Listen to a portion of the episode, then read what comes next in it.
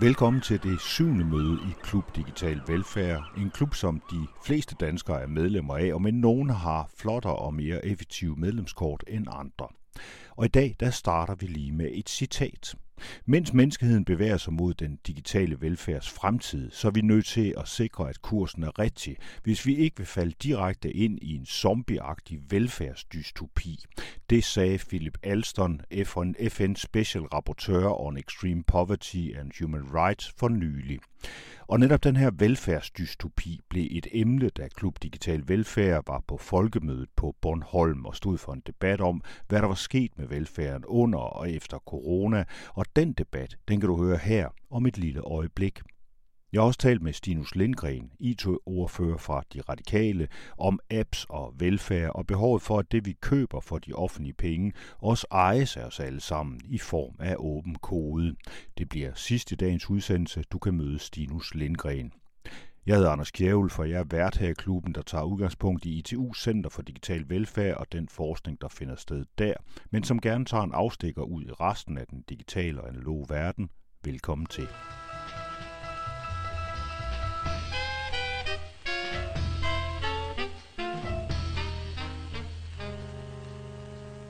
Velkommen til Folkemødet Stream, hvor vi skal tale om corona og den digitale velfærd. Øh, det skal så foregå i det her dejlige analog, lidt varme lokale. Det er ikke så slemt, fordi vi får åbnet døren ned den anden ende. Den her, det med corona, det starter jo med, at vi har den her coronapandemi, som lukker Danmark ned og danskerne inde. Så kom der glas imellem os, glas i supermarkederne, i de biler, vi kørte i, i stedet for togene og busserne. Og så var der det store, altomfavnende glas i alle de skærme og kameraer, vi har set ind i, ligesom det, der står derovre, og som vi har skulle se hinanden i. Corona, covid-19 ændrede vores forestillinger om ret meget. Men var det også, hvad man kunne kalde for en stor digital øvelse, en fælles bevægelse væk fra noget, måske noget permanent, eller var det kun så længe faren lurede? På den måde så kan man også anskue pandemien som en slags eksperiment for nye, eller måske snarere andre måder at gøre tingene på. Med den her debat, der vil vi forsøge at løfte nogle af de tanker, der er opstået under corona øh, øh her på den her, og gøre dem til en del af det her idéernes folkemøde.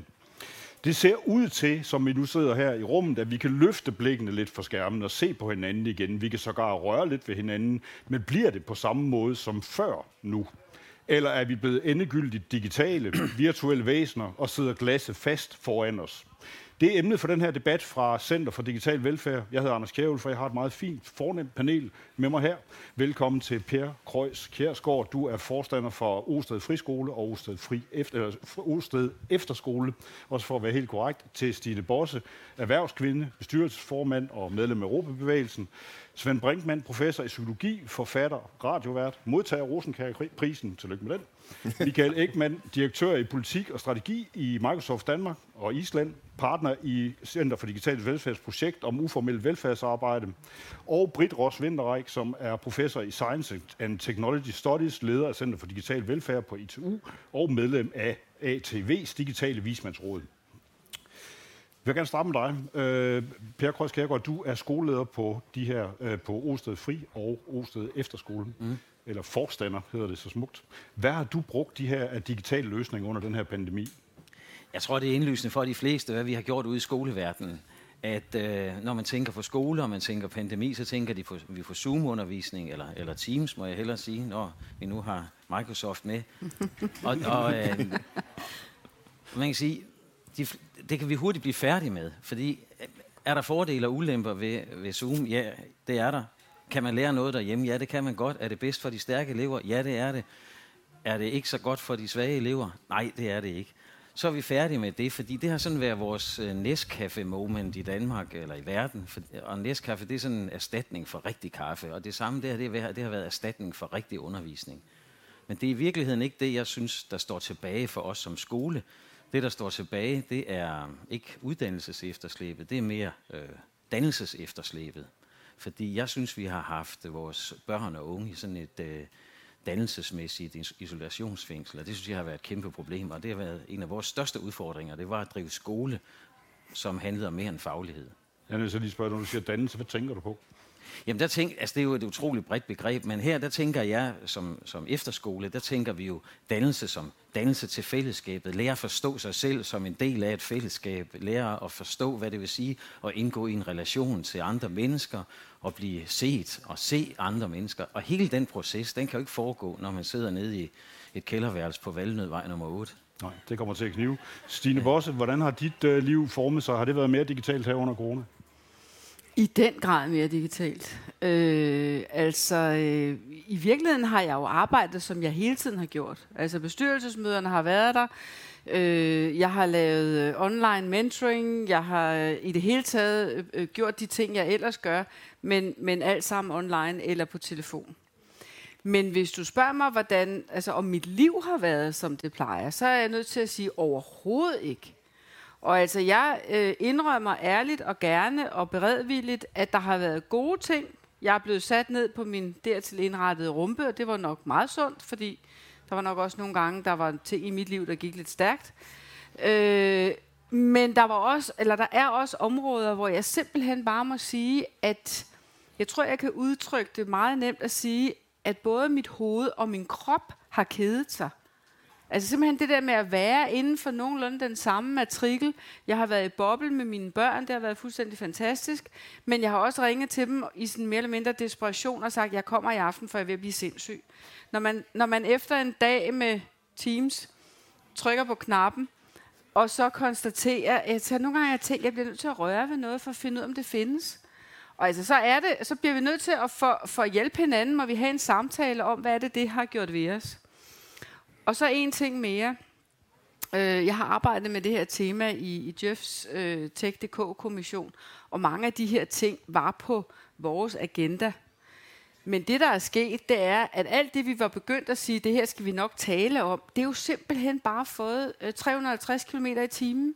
Fordi vi er alle sammen klikket på noget, hvor vi ikke har tænkt, at, fordi det gør vi bare, fordi nu skal vi altså have det her til at virke. Ikke? Så, så der er nogle dagsordner, der simpelthen bare er rykket voldsomt frem, hvis vi tager de store øh, briller på.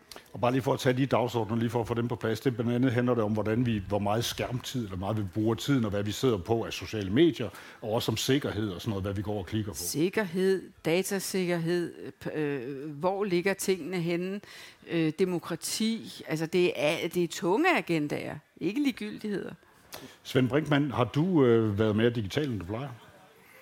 Ja, altså jeg har undervist mine studerende online øh, hele foråret. Faktisk et nyt kursus. Jeg har siddet og rettet deres eksamensopgaver på skærmen. Øh, på de videregående uddannelser er vi jo de sidste, der får lov at vende tilbage. Og det gør vi jo så først til september, når øh, efterårssemesteret begynder igen. Og jeg har ikke været på mit kontor siden november sidste år, tror jeg.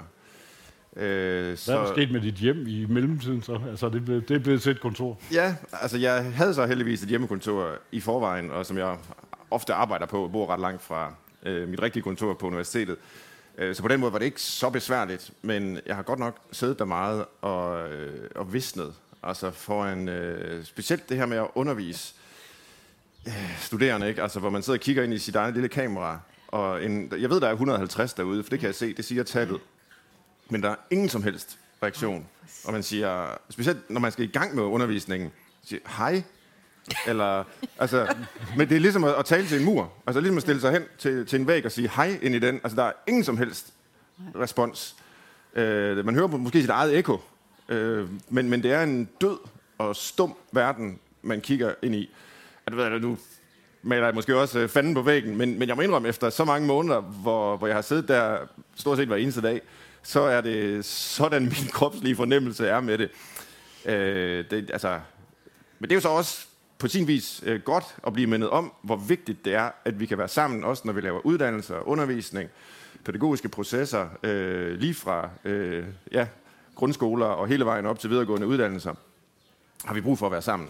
Øh, altså det, det handler om dannelse, det handler om øh, at lære. Altså det er øh, virkelig, virkelig afgørende. Der er nogle få møder, der kan erstattes øh, fysiske møder, der kan erstattes med, med digitale, altså øh, møder kolleger imellem, eller hvor ledelsen har et eller andet, de skal meddele, men hvor man ikke skal sidde og idéudvikle noget sammen. Det er jo fint, men der er også rigtig meget, der ikke kan erstattes.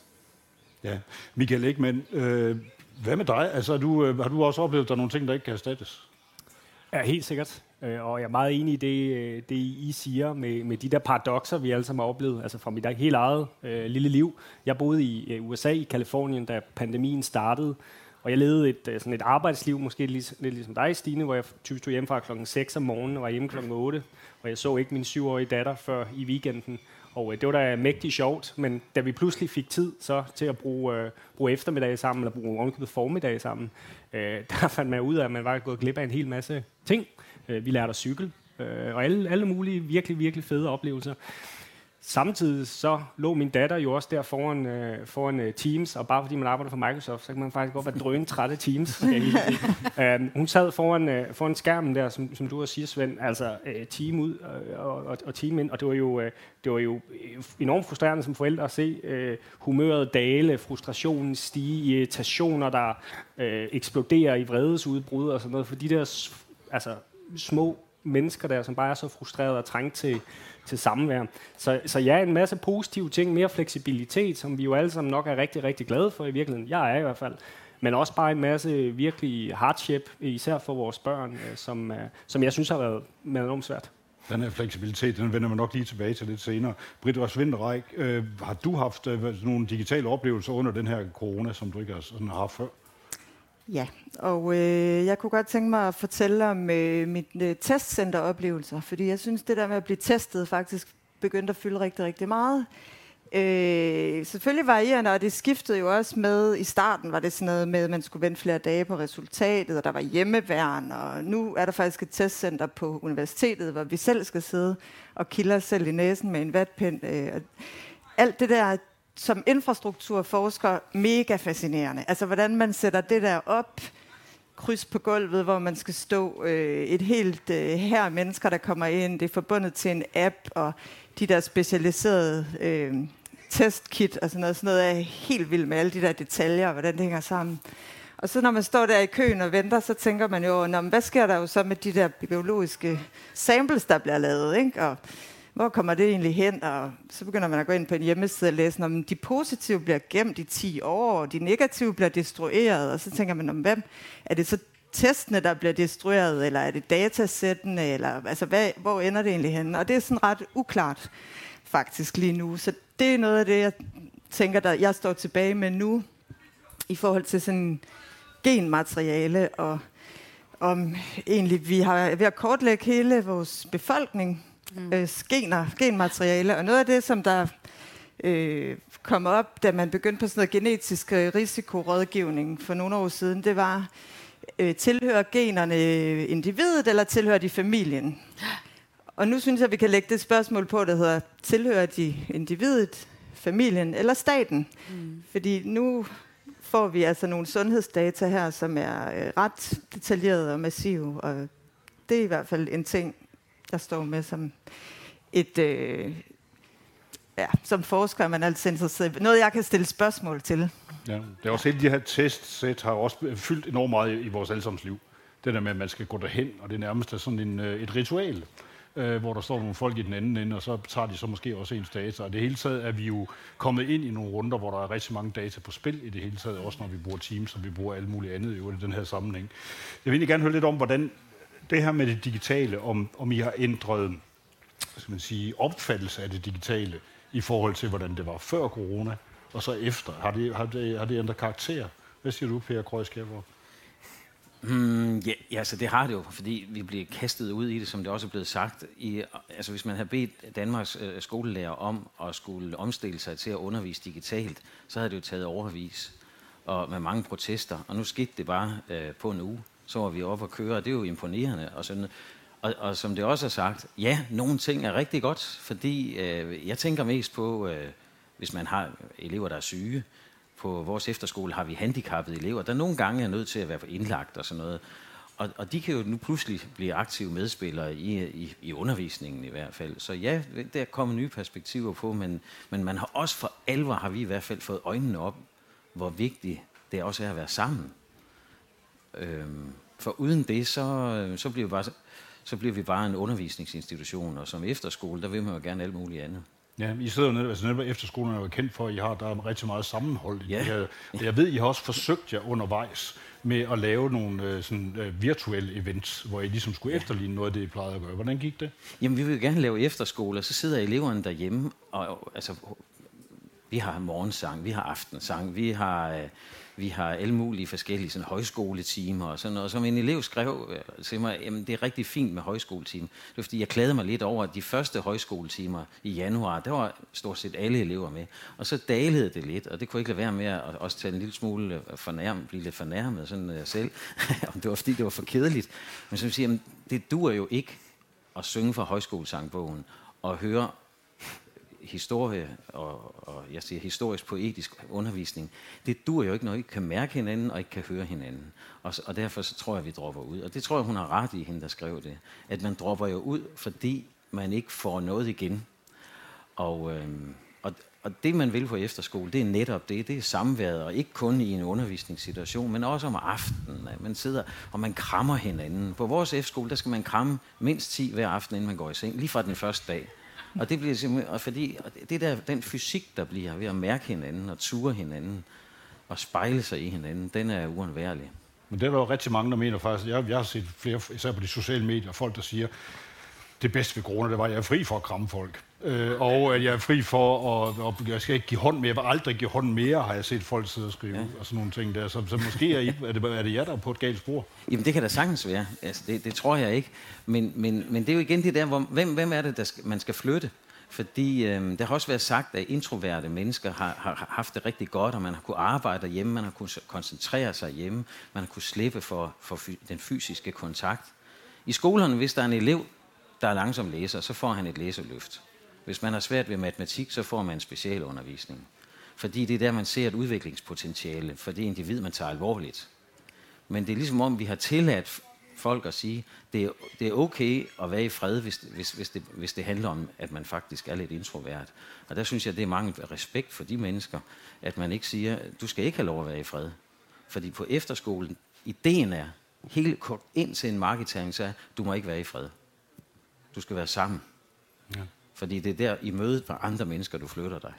Ja. Stine, Stine Bortse, jeg ved faktisk, jeg har snakket med dig tidligere på et andet tidspunkt, hvor du, du er ikke så vild med kram i virkeligheden. Jo, det ved jeg sgu ikke, om jeg har sagt. Jeg er faktisk ret vild med kram, men jeg, jeg er måske nok øh, lidt på det hold, der siger, at måske var det også nogle gange gået lidt over gevind. Altså, jeg vil gerne kramme nogen, jeg kender. Men jeg synes måske nogle gange, for eksempel i de debatter herover, sådan historisk, ikke? Altså, så er der mennesker, man har mødt for første gang, og så debatten var færdig. Kramme, kramme, kramme. Så måske sådan lige til den hårde side, ikke?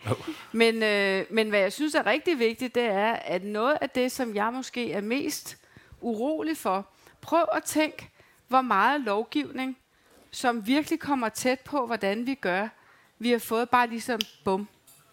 Nu er det sgu staten, der bestemmer det hele. Og, og det kan vi blive glade for, vi kan sige tak, og vi har vi været dygtige, og det er gået godt, og vi har sparet menneskeliv, og jeg kan, jeg kan øh, rable hele historien af.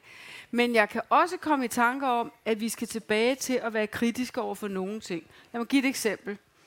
Vi vil gerne slippe for test. Det er dødssygt at stå i testkø, og jeg får de samme associationer til dig som dig. Jeg står og tænker, hvor lander den der snotklat henne, og hvem får beskederne osv. Så nu har de opfundet noget nyt, nemlig at teste vores spildevand. Det er jo smart. Vi skal ikke stå i kø. Men nu kan de jo læse alt. Altså, hvad læser de ud over corona, og fortæller de os det? Altså, der kan læses rigtig, rigtig meget i vores urin, og hvad der ellers hører til der, ikke? Og, og de der ting, der tror jeg simpelthen, vi står os godt ved som, som opvagte, oplyste borgere, og sige, okay, dertil er ikke længere, kære politikere. Der er også noget, hvor vi vil have lov til at være mennesker, og vi vil have lov til at være private, og vi vil have lov til at ja, gøre nogle ting, som ikke nødvendigvis er fuldstændig snorlige efter opskriften på at være menneske. For det den findes ikke. Lige præcis den der med at tage spildevand. Jeg tror faktisk, det er herover det finder sted på Bornholm Ja, ja, ja, som testområde, hvor man altså, simpelthen tjekker, om der er covid-virus i spildevandet. Og så siger man, så behøver man ikke teste så meget. Men man kan jo så også, som du siger, teste for Alt. alt, alt muligt andet, nu man alligevel er i gang. Øh, fordi der er de her ting med data og sådan noget. Øh, Svend Brinkmann, hvad, øh, hvis du kigger på det her, altså, tænker du anderledes om, om alt det her digitale, vi gør øh, nu, end du gjorde før?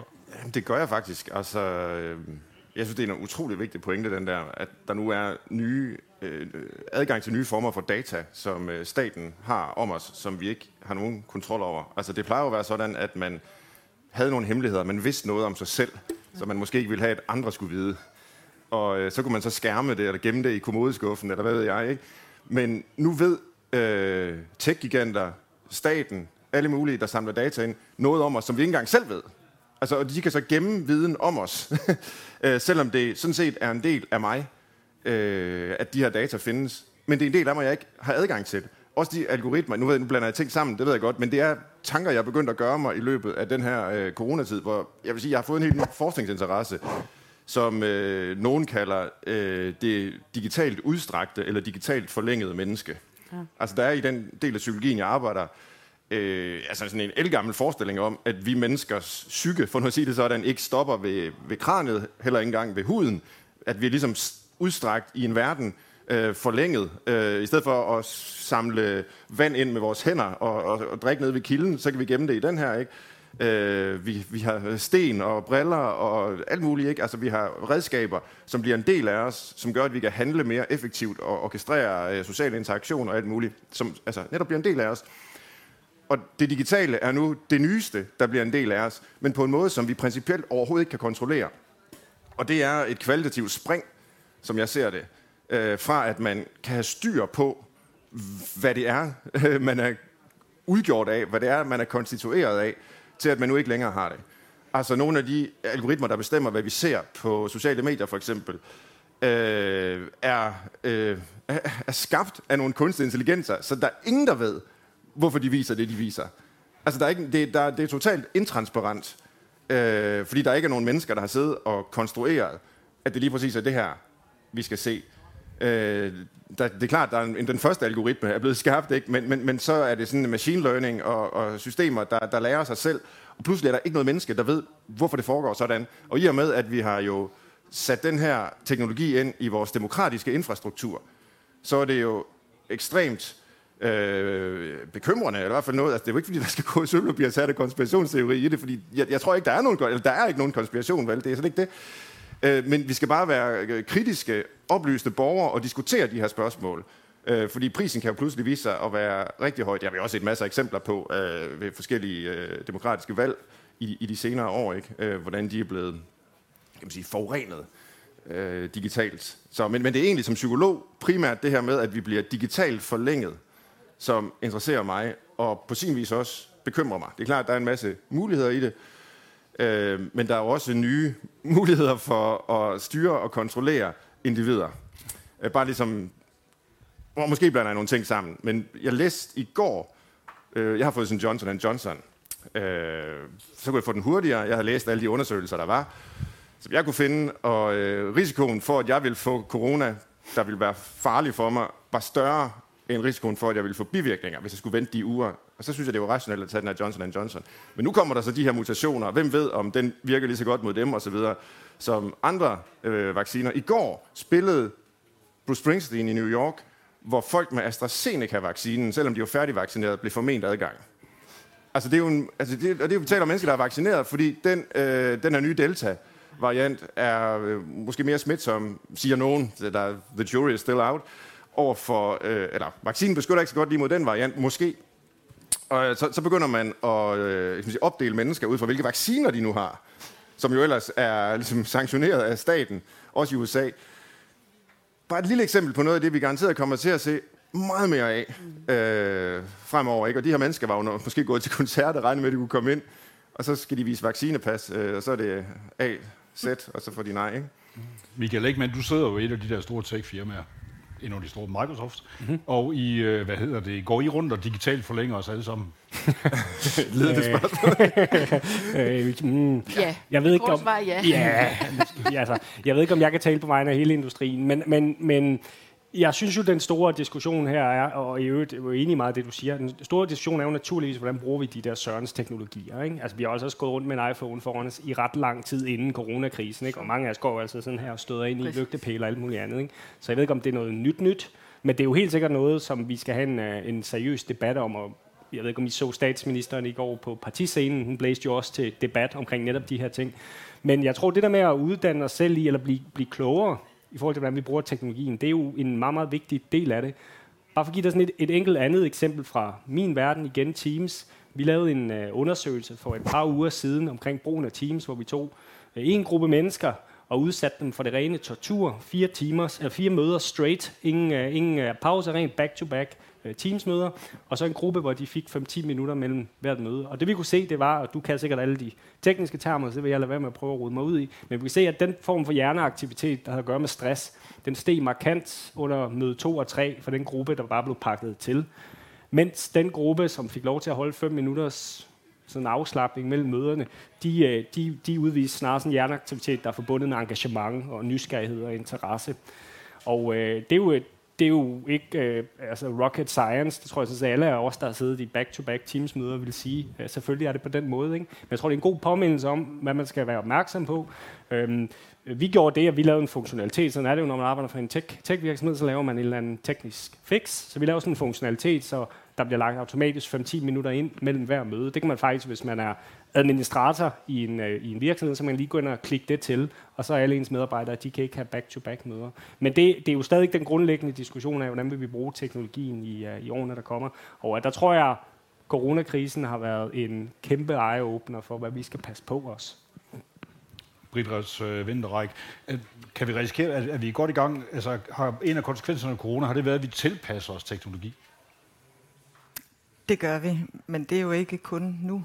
Det, det bliver vi nødt til for at få teknologien til at fungere. Altså, hvis du har en vandhane med en sensor, så skal du jo sætte hænderne der, hvor den registrerer dig. Så det tror jeg nok øh, efterhånden måske også er mere at være mere almen kendt. Og, og, altså, det er noget, vi skal tænke endnu mere over, fordi øh, der er så meget øh, i det der, du siger omkring øh, det, man kalder function creep. Altså, det er noget med, når man har en løsning, så er det også tit sådan, at der udvikler sig nogle ønsker og nogle forestillinger, nogle fantasier og nogle drømme, øh, både hos brugerne, men især hos udviklerne og måske også hos politikerne, om at man jo også kunne bruge det til meget mere, sådan at man både kan måle det og det og det i spildevandet.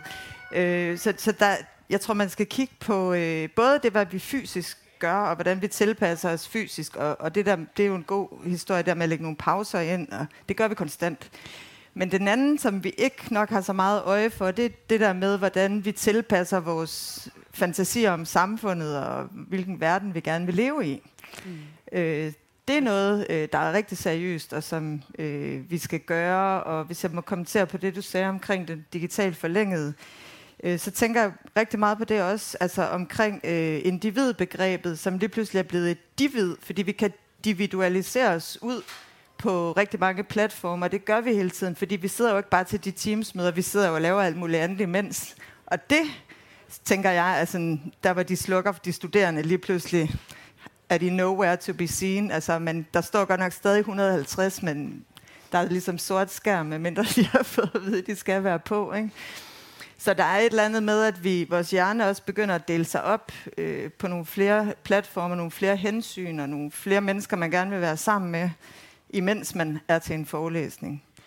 Så. Stine Borse, du havde en kort kom- eller en kommentar. Ja, jamen det er fordi, jeg kunne godt tænke mig bare lige at holde lidt fast ved den der politiske vinkel, fordi det er jo rigtigt, at nu begynder politikerne at røre på sig. Jeg synes faktisk, at en af de læringer, for jeg har interesseret mig for det her øh, et stykke tid, en af de læringer, der er, det er for eksempel kunstig intelligens, AI, er jo i virkeligheden ret fantastisk. Altså hvis nu man bare bruger eksemplet med, at man har 10 læger, der skal stille en diagnose, den ene læge er spitsenklarsdygtig. De 10 andre er måske lidt mere mediocre, og, og nogle af dem er måske endda ret dårlige. Hvis, hvis den ene læges erfaringer kan blive puttet ind i et system, der understøtter samtlige 10 læger, så bliver alle 10 læger dygtige. Kan I følge tankegangen? Og det er jo dybest set det, AI bliver brugt til. Det er jo ikke, det er jo ikke at sætte lægerne væk, det er at understøtte lægerne i at træffe beslutninger. Men styringen af anvendelsen af kunstig intelligens, styringen af anvendelsen af sociale medier osv. osv. osv. Den politiske guideline for alt det her, det er det, vi mangler. Og det er derfor, vi er blevet usikre og lidt forskrækket, og hvem bestemmer, og hvor ender tingene henne osv. Og det ryg, der sker nu, øh, både i EU, øh, fordi vi kan ikke løse det her alene i Danmark, og i Danmark, danske politikere og statsministeren, det er det, vi skal være glade for som borgere. Fordi det her er i virkeligheden ligesom dengang den finansielle sektor blev stor og magtfuld, så kunne den ikke finde ud af at opføre sig ordentligt. Det kan så nogen ikke. Kan Microsoft selvfølgelig. Men, men, men øh, der er brug for, og det, det siger I jo også selv, at der er nogle politikere, der påtager sig at lave rammerne. Og det er det, vi skal som borgere sætte vores lid til, og lytte til, hvor dygtige er de til det, og hvordan har de tænkt sig at gøre det. Per Krøjs, øh, Kærgaard, jeg tænker på, altså nu, vi, vi kigger netop ind nu i, i en verden, hvor den offentlige og den private sektor, de vil have meget mere digitalt nu, så i hvert fald mit klare indtryk, og det vil man både, også i dit område, i den her, og man, vi har fået en meget kraftig lyndigitalisering her under øh, corona. Er der nogle steder, hvor du tænker, det kan vi da godt bruge til noget, også i, i, på efterskolen? Ja, altså nu nævnte jeg det eksempel med for eksempel syge eller handicappede ja. elever, og man kan have nogen med. Øhm, vi havde på et tidspunkt, så fik vi sådan nogle øh, små robotter, ansigter, som vi, vi fik til, da, da vores handicappede var sendt hjem, og ikke kunne komme, fordi de ikke var vaccineret endnu. Og der, øh, så, kunne de, så placerede vi robothovedet inde i klassen, og så kunne de sidde hjemmefra og styre det med deres iPad og deltage og sådan noget. Så ja, der er der masser af muligheder, som er super fede. Øhm, men der, altså, og, og bagsiderne tror jeg, vi alle sammen er enige om. Jeg, jeg kan komme med et, et konkret eksempel. Øh, ja, efter genåbningen, så fik vi en forældreklage over en af vores lærere, og det var fordi, at ved siden af eleven, der sad og havde sin Zoom-undervisning, så ved siden af, så sad, så sad forældrene eller bedsteforældrene ja. og fulgte med. Det her også. Og så havde de overværet, øh, at læreren havde, øh, jeg tror, det var et bandeord eller sådan et eller andet, men altså måske lidt grovkornet spøj, og, og, og det vil, altså, ja, der, hvem, hvem af os kan ikke komme til at, at, at, at hælde en finke ned af fadet, eller hvad det hedder. Det sker jo. Men, men lige pludselig, så er, så er det, der tidligere var et, et, et, et fortroligt rum mellem lærer og elever, ja, hvor der var også lov at træde ved siden af, og så måtte man klare det bagefter. Mm. Der er man lige pludselig totalt eksponeret som underviser i noget, man tidligere har været vant til at, at, at, at, at være privat med, sammen med eleverne om. Så både har man fået eleverne ind i sit eget private hjem, som for nogen, der bor lidt ydmygt, har, også har, ved helt konkret har været en, en grænseoverskridende det, at man skal sidde hjemmefra ja. og undervise i nogle, i nogle sammenhæng, hvor man tænker, at jeg tror sgu egentlig ikke, jeg har lyst til, at alle de skal være med i min dagligstue lige nu, men det er den mulighed, jeg har, for min kone sidder inde ved siden af. Og så det, at alle følger med. Så, så øh, nu tabte, fortabte jeg mig helt i dit spørgsmål, men, men, men øh, det synes jeg ikke. Jeg, jeg, synes, jeg synes, der er rigtig mange gode ting og rigtig mange gevinster. Men jeg synes godt nok også, at faldgrupperne er der. Og den største, det er altså det der mangel, det, det, det, det er manglen af hinanden. Ja. Og, og, og det der med, øh, fordi nu, jeg tænker meget konkret som, som F-skoleforstander, men hvad, hvor, du spurgte, hvorfor er det så så vigtigt, og hvad er det med fællesskabet? Altså, jeg tror ud af det her, hvis det får lov at vokse, med, med fjernundervisning for eksempel, som det har været sagt, også på de videregående studier, så får vi en flok super, super egoister. Fordi når man er afsted med andre mennesker, så lærer man simpelthen også helt konkret at indrette sig. Hos os på en efterskole, jamen man lærer helt banalt. Hvis jeg tager tre fiskefrikadeller, og, øh, og altid vil have først, så er der jo nogen, der ikke får. Og det der, det er sådan et helt banalt eksempel på, hvornår rykker man sig som menneske, det gør man, når man er sammen. Derhjemme, så stiller mor bakken uden for dit værelse og banker på, og så kan du tage den ind og spise alt, hvad du vil. Men det der, man bliver nødt til at indgå i, i kontekst med andre mennesker, det, øh, det er uundværligt. Svend Brinkmann, det her med digital forlængelse, du snakkede om før, kan vi, kan vi virkelig måske bruge det digitale til at erstatte hinanden, tror du? Altså hvis vi gør os selv store nok? Det frygter jeg jo. Det frygter altså, ja, jeg tror, vi kan rigtig meget allerede, og vi vil selvfølgelig komme til at kunne ufattelig meget mere, øh, også måske ret snart. Og vi kommer til at have, øh, tror jeg, håber jeg også, en meget stor og alvorlig diskussion om, hvorvidt vi ønsker at blive mere effektive og dygtigere til at alt fra smitteopspore til at få øh, uddannelsesprocesser optimeret, og hvad ved jeg, men på bekostning af, at der er et menneske involveret, der har dømmekraft og situationsfornemmelse og er til stede. For der er alt muligt, vi kan gøre smartere uden det menneske. Mm. Men ønsker vi det? Mm. Øhm, altså, filosofer har jo i de seneste år diskuteret rigtig meget det her med selvkørende biler, som jo nok kommer på et eller andet tidspunkt og allerede er her osv. Øh, de kan køre mere sikkert. Men en gang imellem vil der ske, ske uheld, ikke? Det ved der jo. Og hvem er så ansvarlig? Og hvem laver de algoritmer, der bestemmer, om det er øh, børnehaven, den skal køre ind i, eller øh, ældrecentret, der er ude og gå tur, når, når bilen ikke øh, ligesom har andet valg, end, end at mig nogen ned. Altså alle de der ting, ikke? Hvem kan man holde ansvarlig, når der sker sådan nogle ting, når, når, når, når der ikke er et menneske involveret længere? Øh, eller noget, jeg blev opmærksom på for mange år siden faktisk, hvor jeg havde en, øh, jeg var phd studerende og en af mine kolleger lavede et forskningsprojekt, hvor hun sammenlignede øh, sådan nogle algoritmer, der skulle farlighedsvurdere sædelighedsforbrydere, øh, for at se, hvor gode de var til at forudse det, man kalder recidiv, altså tilbagevenden til øh, kriminalitet. Og fordi de her, de sidder mange af dem på ubestemt tid, eller hvad hedder sådan noget. Øh, Forvaring. Og, ja, netop. Ikke? Og så skal man vurdere en gang imellem, er det sikkert at sende dem ud i samfundet igen? Og så sammenlignede hun øh, som sige, algoritmen, den øh, aktuariske metode, med klinisk bedømmelse. Altså hvor virkelig dygtige, erfarne psykiater skulle lave vurderingen. Og allerede dengang, det er mange år siden, der vandt øh, computeren. Altså den var dygtigere. Men ønsker vi det? Eller ønsker vi, at der kommer lidt flere fejl? Men hvor der så til gengæld er et menneske, vi kan henvende os til og sige, hør her kammerat, det er faktisk dig, der lavede den vurdering. Hvad byggede du den på? Uh, vi kan tale med vedkommende og sende vedkommende ind i en retssal, hvis det er det, der kommer. Og så videre. Det er bare, altså, og der er jo den slags spørgsmål overalt lige pludselig, hvor vi skal tage stilling. Ønsker vi et lidt mindre effektivt samfund, men som til gengæld har den menneskelige faktor involveret, uh, eller, eller gør vi ikke? Michael Ekman. Jamen, jeg vil for at bare lige tage fat på dit eksempel der med den selvkørende bil. Altså, jeg personligt tror jeg heller ikke på, at vi kommer derhen, hvor man bare sætter sig ind og begynder at læse avisen og tager en lur, og så kører bilen bare hen. Men jeg tror på det der med, at en vis understøttelse sikkerhedsmæssigt af nogle automatiserede systemer faktisk er en rigtig god ting. Jeg, jeg synes faktisk, det er enormt amoralsk ikke at overveje de muligheder, hvis man tænker på, hvor mange millioner mennesker, der hvert år dør i. Ja, eller hvis algoritmen er bedre til at forudse de der tilbagefald, så er det da amoralsk ikke at vælge algoritmen, det, kunne man sige. Ja, ja, præcis. Ikke? Altså, det um, mener jeg jo ikke, men... Nej, men jeg vil bare lige komme tilbage til noget, du sagde, og du, måske ikke sådan helt sådan, jeg har hørt dig, men, men altså, det er jo ikke nødvendigvis sådan et valg mellem det ene eller det andet. Mm. Altså, jeg hader det der ord, the new normal, og sådan noget. Også bare fordi, der er mange ting med den måde, det var, som jeg faktisk også godt kunne lide. Men, men, men jeg tror, der er noget i det der med sådan en hybrid verden, eller en hybrid arbejdsplads. Øhm, vi, der er også sådan et paradoks, hvor vi kan se, at sådan cirka 7 ud af 10 danskere, de vil gerne fastholde fleksibiliteten, de har fået under corona øh, efter. Øh, men 7 ud af 10 danskere vil også gerne have mere FaceTime med deres kolleger, og vil gerne have mere samarbejde. Og hvordan opnår du de to ting på samme tid? Det tror jeg sådan set bliver humlen øh, i det danske samfund i tiden, der kommer. Det tror jeg sådan set også godt, vi kan.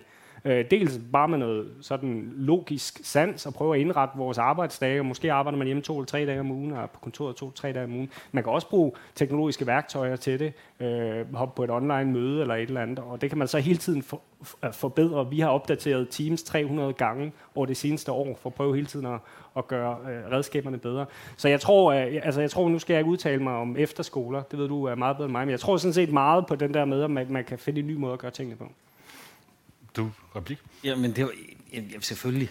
Det er, der er jo ikke noget, der er enten eller, men, men jeg tror, når vi snakker om det her med, med voksne mennesker, og de, de hybrider, der vi bevæger os ind i som, som arbejdssamfund, det, det kan der helt sikkert noget. Jeg vil dog tillade mig nogle gange. Det kan være konkrete situationer, hvor det er super effektivt at være derhjemme. Men, men, men hvis vi snakker om hele innovation og effektivitet, så altså vi, jeg tror, de fleste af os også kommer til at vaske lidt tøj og, og gøre nogle andre ting, når vi arbejder hjemme. Og derfor, altså jeg, jeg er ikke helt sikker på, at jeg er fuldstændig solgt til, at det skal være sådan den dominerende. Jeg har hørt om en, en, en organisation, hvor man har spurgt medarbejderne, og nogen har svaret, at de kun nogle få dage om ugen, eller om måneden, egentlig synes, det var nødvendigt at møde frem. Og så bliver jeg sådan lidt bekymret, både for effektiviteten, men, men også for innovationen, fordi altså, fodboldspillere dribler heller ikke så fedt alene, vel? Altså, der skal helst være nogen andre. Men når vi snakker om børn, så er jeg bare nødt til at sige, der, der kan jeg simpelthen ikke finde noget godt ved, at børn ikke skal møde frem. Rent fysisk, hver dag, og være sammen. Det, det, jeg har svært ved der at se, hvor, hvor, hvor det skulle være, være, være godt i, i de der formative år, når man, når man udvikler sin personlighed og sin identitet, og, og, og komme hen i skolen, det er jo sådan et identitetslaboratorium, hvor man hele tiden eksperimenterer og bliver klogere på sig selv som menneske. Og det synes jeg vil være forfærdeligt, hvis vi, vi kom til, til sådan et Zoom-samfund. Og, og i virkeligheden, så nu har vi jo hyldet øh, teknologi, teknologien, men havde, vi nu ikke, havde det været for 20 år siden, vi har fået den pandemi, så har vi jo ikke ladt børn sidde hjemme bare i 21, der har børn i 5. klasse de har siddet hjemme i fire måneder. De er 11 år. Det, det kan jeg slet ikke begribe. Og at værtshusene åbnede tidligere. Men, men jeg kan simpelthen ikke begribe, at man lader børn sidde hjemme i fire måneder. Men det er jo kun fordi, vi havde muligheden for at holde dem beskæftiget af nogle lærere og med noget undervisning af, af, af varierende kvalitet. Men, men, men øh, så, så på den måde, der begræder jeg lidt lige den del af det. Der tror jeg ikke på hybriden. Vi nærmer os sådan noget, og vi har syv minutter tilbage, øh, og tingene går stærkt. Og derfor så er jeg bare nødt til lige at spørge sådan lidt rundt og sige, at det, der tydeligvis er sket på grund af corona, det er, at vi er blevet mere data alle sammen. Vi er blevet mere dataficeret på nogle punkter. Hvordan, øh, hvad hedder det, hvad kan vi få ud af det? Er der en god idé, vi ligesom kan få ud af det her coronaforløb, som vi kan tage med os videre i en forhåbentlig verden, hvor vi ikke er så afhængige af den her teknologi? Har du et bud, Vinderik? Jeg kunne godt tænke mig at løfte blikket øh, op også igen til det politiske niveau og, og, og reguleringen af det her, fordi øh, det, jeg går og tænker meget på for tiden, det er, at tidligere har vi talt om infrastruktur som IT-systemer der leverer noget, og data flyder rundt i de her systemer, men nu er vi faktisk i den situation, hvor data er ved at blive infrastruktur. Ja. Og det er et kæmpe skift. Så alt det, jeg snakkede om før med, med, med de data, der bliver opsamlet til, i, i forbindelse med test og podning, bliver jo faktisk en infrastruktur for noget andet, ligesom med vaccinen, hvor man måske skal ud og identificere sig på baggrund af noget, et datasæt, som man er blevet til og så i mødet med, hvordan du bevæger dig ud i offentlige rum, og hvordan du kommer ind og ud af skolen og sådan noget, så kan det jo være, at du lige pludselig skal bevise noget på nogle andre parametre, som er lavet af data om dig. Og det er altså et kæmpe, kæmpe skift. Så jeg vil sige, noget af det, vi skal tænke på nu, det er noget med, at øh, den her infrastruktur, den skal ikke være i hænderne på private virksomheder, synes jeg. Den skal heller ikke være udelukkende i hænderne på staten. Øh, så hvor skal den så være? Altså, hvem skal egentlig have ejerskab over den? synes jeg, det er et kæmpe spørgsmål. Så derfor så er det noget med at demokratisere infrastruktur. Mm. Svend Brinkmann, kan vi, ja. Øh, hvad tror du, kan man få noget, hvad skal man sige, velfærdsfilosofi ud af det her coronaforløb? Ja, altså, men jeg tror nu primært, det er sådan lidt en, øh, en bagvendt eller en negativt defineret velfærdsfilosofi, der handler om påmindelsen om, hvad det er, vi øh, har mistet i den her periode. Altså, jeg er lidt på linje med dig. Altså, jeg, nu tænker jeg også mest ud fra universitetsverdenen, øh, uddannelse, undervisning og sådan noget. Og der må jeg indrømme, at jeg har svært ved at se øh, de fantastiske ting ved, ved situationen her, som, som vi skal tage med os. Øh, jeg har tænkt meget over det. Altså, er der noget, jeg, jeg vil ønske, vi skal bevare inden for den del af vores øh, liv? Og det kan jeg simpelthen ikke rigtig finde Stine Bosse, tror du, vi kan få noget øh, fornuftigt ud af det her, vi ligesom kan tage os med os videre? Ja, altså der er jeg, der er jeg lidt mere optimist øh, end de her. Jeg tror, fordi jeg tror rent faktisk, børn adapterer på godt og ondt. Jeg tror, at de navigerer i nogle af de her ting. Jeg ser det også. Jeg har jo børnebørn, der lever i det. Øh, de kommer til at navigere i det her på en helt anden måde, end vi kan forestille os. Men jeg er meget optaget af, at vi på de områder, hvor vi taler dannelse, for det er jeg meget enig i, at vi der sikrer os, at der skabes nogle andre rum, nogle blivende rum. Meget optaget af, at vi sikrer den politiske del af det her, fordi det er virkelig noget, jeg kunne blive skræmt over. Der er ikke ret langt, mine damer og herrer, fra det vi har oplevet til sådan en grundtotalitær tænkning. Og det skal vi simpelthen være op på stikkerne omkring. Øhm, og så tror jeg, at vi skal omfavne teknologien for alle de gode ting, den kan hjælpe os med, men vi skal være mestrene og ikke omvendt. Det er, den, der skal, det er ikke os. Det er os, der skal styre det. Ja. Det er du vel enig i, Michael Ekman? det, det er jeg sådan set enig i. Øhm, jeg tror også på, at teknologien kan noget for vores velfærdssamfund, for vores øh, innovation, for vores grønne omstilling, alle de der ting. Der tror jeg faktisk på, at digitale teknologier, kunstig intelligens, hvad, hvad man nu vil kalde det, så tror jeg faktisk kan nogle ting, og, og der, der tror jeg, vi står godt i Danmark til at udnytte det. Men, og det er et ret stort men, øh, jeg tror også, det kræver den der dybtegående, grundige, eftertænksomme diskussion, øh, Øh, både fra politisk hold, men altså også borgere, virksomheder, civilsamfund, øh, universiteter skal være en del af det. Så vi rigtig fortalt grundigt. Og hvis vi nu også bare skulle klappe os selv en lille smule på skulderen, altså det gør vi jo sådan set også. Det er jo ikke bare sådan, at Danmark hovedløst har digitaliseret. Jeg ved ikke, om I har gået rundt, men altså du kan jo næsten ikke gå ind i et telt, hvor der ikke står nogen og diskuterer teknologi her på folkemødet. Ikke? Så jeg synes jo egentlig, vi er godt på vej, og det er ikke den der sådan helt håbløse, lad os nu bare køre ud over og ikke tænke over konsekvenserne. Jeg synes jo egentlig, vi har sådan eftertænksomhed omkring måden, vi bruger teknologien på. Per Køjs Det er jeg enig med dig i. Og, vi, og nu her til sidst, altså det med det totalisære samfund, og det, det kan jeg ikke lade være med at tænke netop, når man beskæftiger sig med børn og unge til daglig. Det vigtigste ord, vi kan sætte på vores opgave med de kommende generationer, det er åndsfrihed. Ja. Og, og, og hvis vi skal give mennesker åndsfrihed, som, som øh, jeg kan kalde det en kompetence, en menneskelig kompetence, eller at de har det i sig, så tror jeg simpelthen kun, det kan ske øh, i de fysiske møder. Fordi øh, i det, vi har set det rigtig meget i, i, det, i den digitale og virtuelle virkelighed, at, at der møder man jo alle dem, man er enige med, og, og på, på godt og ondt. Men, men hvis man skal lære at tolerere, at andre mennesker mener noget andet, så, øh, så, så er man nødt til at møde det. Og det risikerer vi nemlig, at vi ikke gør, hvis, hvis, vi, hvis vi ikke færdes i en fysisk verden, hvor man simpelthen kommer til at, at støde ind i mennesker, der helt grundlæggende øh, mener noget forkert. Det bliver de øh, sidste ord for den her debat. Mange tak til, øh, hvad hedder det, til mit fine panel her, til Stine Bosse, erhvervskvinde, bestyrelsesformand, medlem af Europabevægelsen, til Svend Brinkmann, professor i psykologi, forfatter og radiovært, til Michael Ekman, som er direktør for politik og strategi for Microsoft i Danmark og på Island, og partner i Center for Digitalt Velfærdsprojekt om uformelt velfærdsarbejde, støttet af Nordnorsk, og til Britt Voss Winterreich, professor i Science and Technology Studies, leder af Center for Digital Velfærd på ITU, medlem af ITV's Digitale Vismandsråd. Jeg hedder bare Anders Kjævel, for jeg minder om, at selvom hverdagen er fuld af digitale ting, så er mennesket forhåbentlig stadigvæk analogt, og vi skal huske at passe på alle de andre mennesker, og vi skal ikke glemme at røre hinanden. Det er dybest set det, vi er for.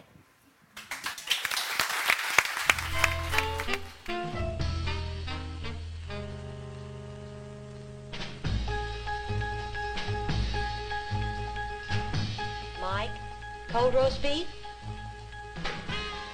Okay, be right there.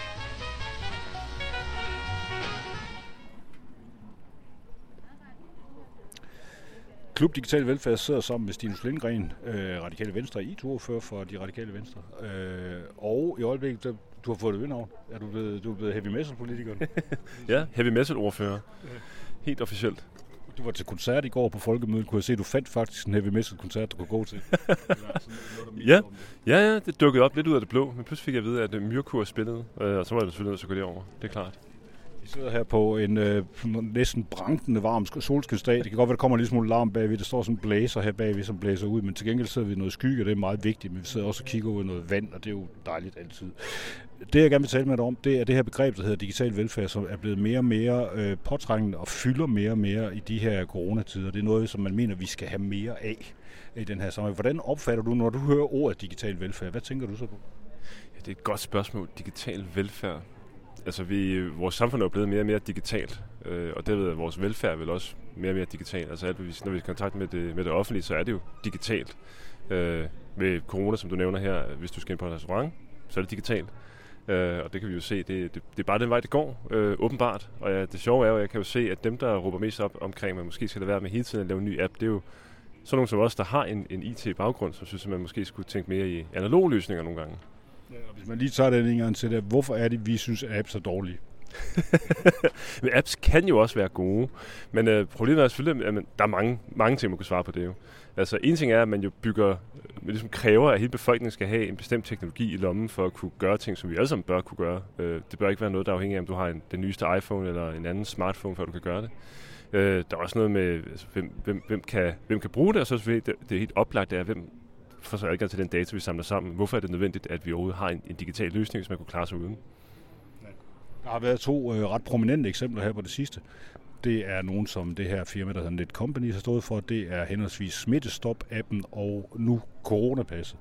Jeg er nødt til at spørge dig først. Har du stadigvæk Smittestop installeret? Det har jeg faktisk, og jeg har også coronapas, men det, er jo, det giver sig selv, den skal vi ligesom bruge. Men jeg har stadig smittestop af dem. Det er længe siden, jeg har tjekket den, vil jeg så sige.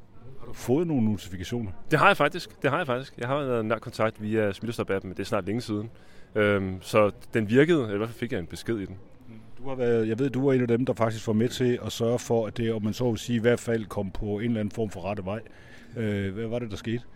Jamen altså, det er, det er rigtigt. Da vi begyndte at diskutere det her i sin tid, så blev der jo lagt op til en løsning, som øh, ud fra et, et IT- og datasikkerhedsmæssigt synspunkt var fuldstændig skæv. Øhm, og der fik vi jo hævet det i retning af, at det skal ikke være en, en central løsning. Det skal ikke være sådan, at data gemmes et eller andet sted. Øh, det skal være noget, der lagres på din telefon, og det skal slettes igen så hurtigt som muligt i forhold til, hvor lang tid det, du er nødt til at gemme det. Og med smittestop, der er det klart, der der skal gå, hvad er det, 14 dage, 3 uger, fordi det er ligesom den tid, det tager med, med smitte. Øhm, sørg for det, og så sørg for, at der ikke er noget, der kan spore den til den enkelte person.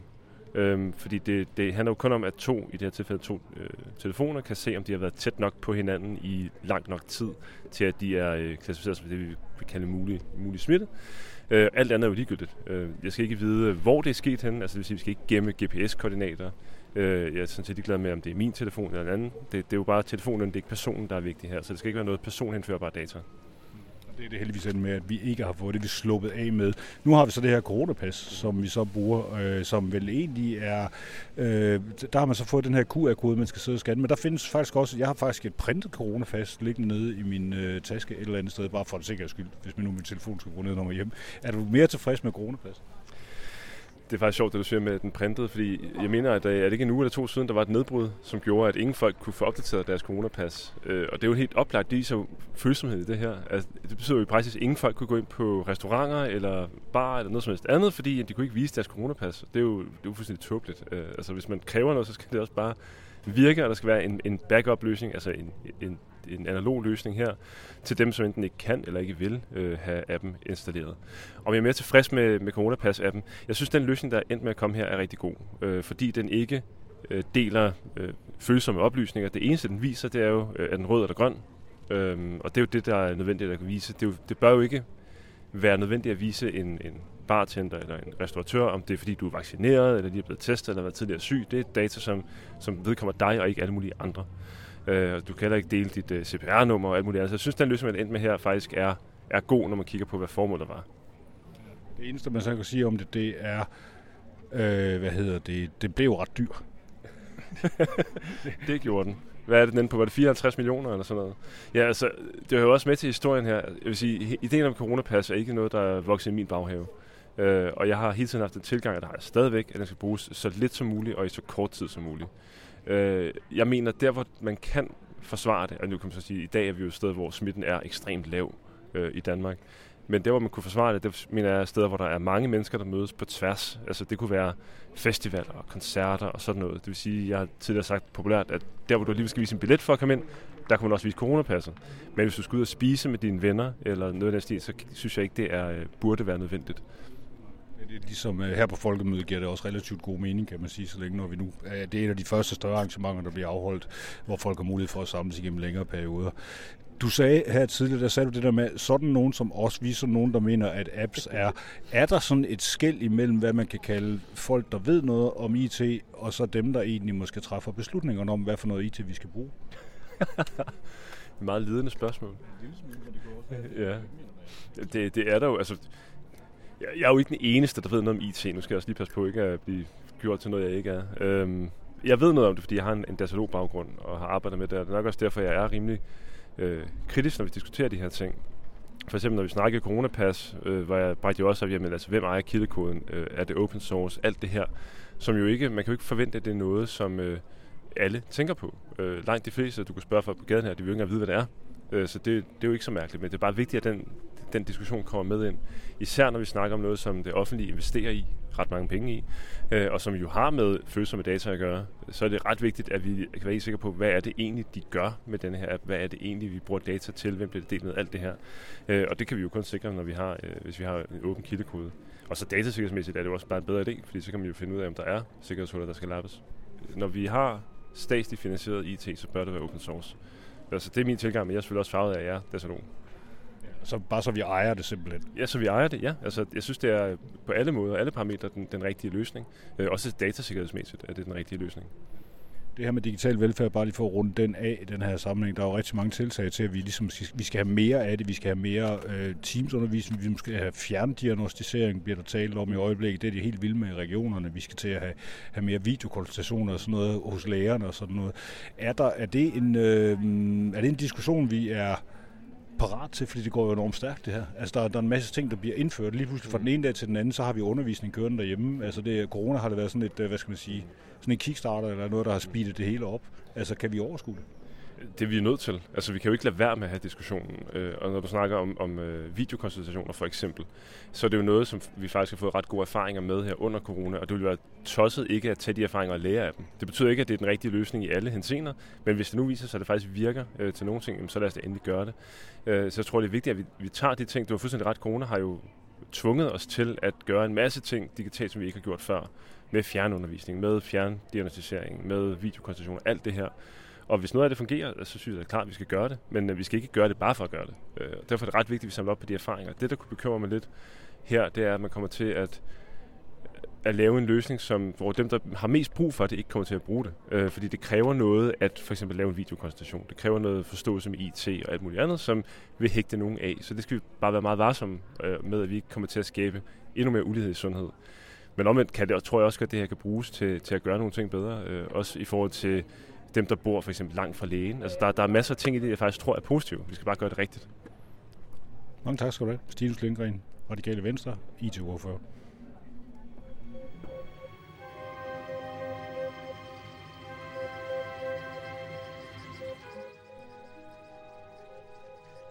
Og med det, så er Klub Digital Velfærd forbi for i dag. Vi vender tilbage igen om en uges tid. Jeg hedder Anders Kjævel, for jeg vil bare igen i al stilfærdighed minde om, at vi nok ikke er sat i verden for at registrere og overvåge hinanden, men mere for at skabe og hjælpe andre, og for hvert eneste sekund at sprænge og genskabes af glæde over, hvor smukke vi alle sammen er. thank you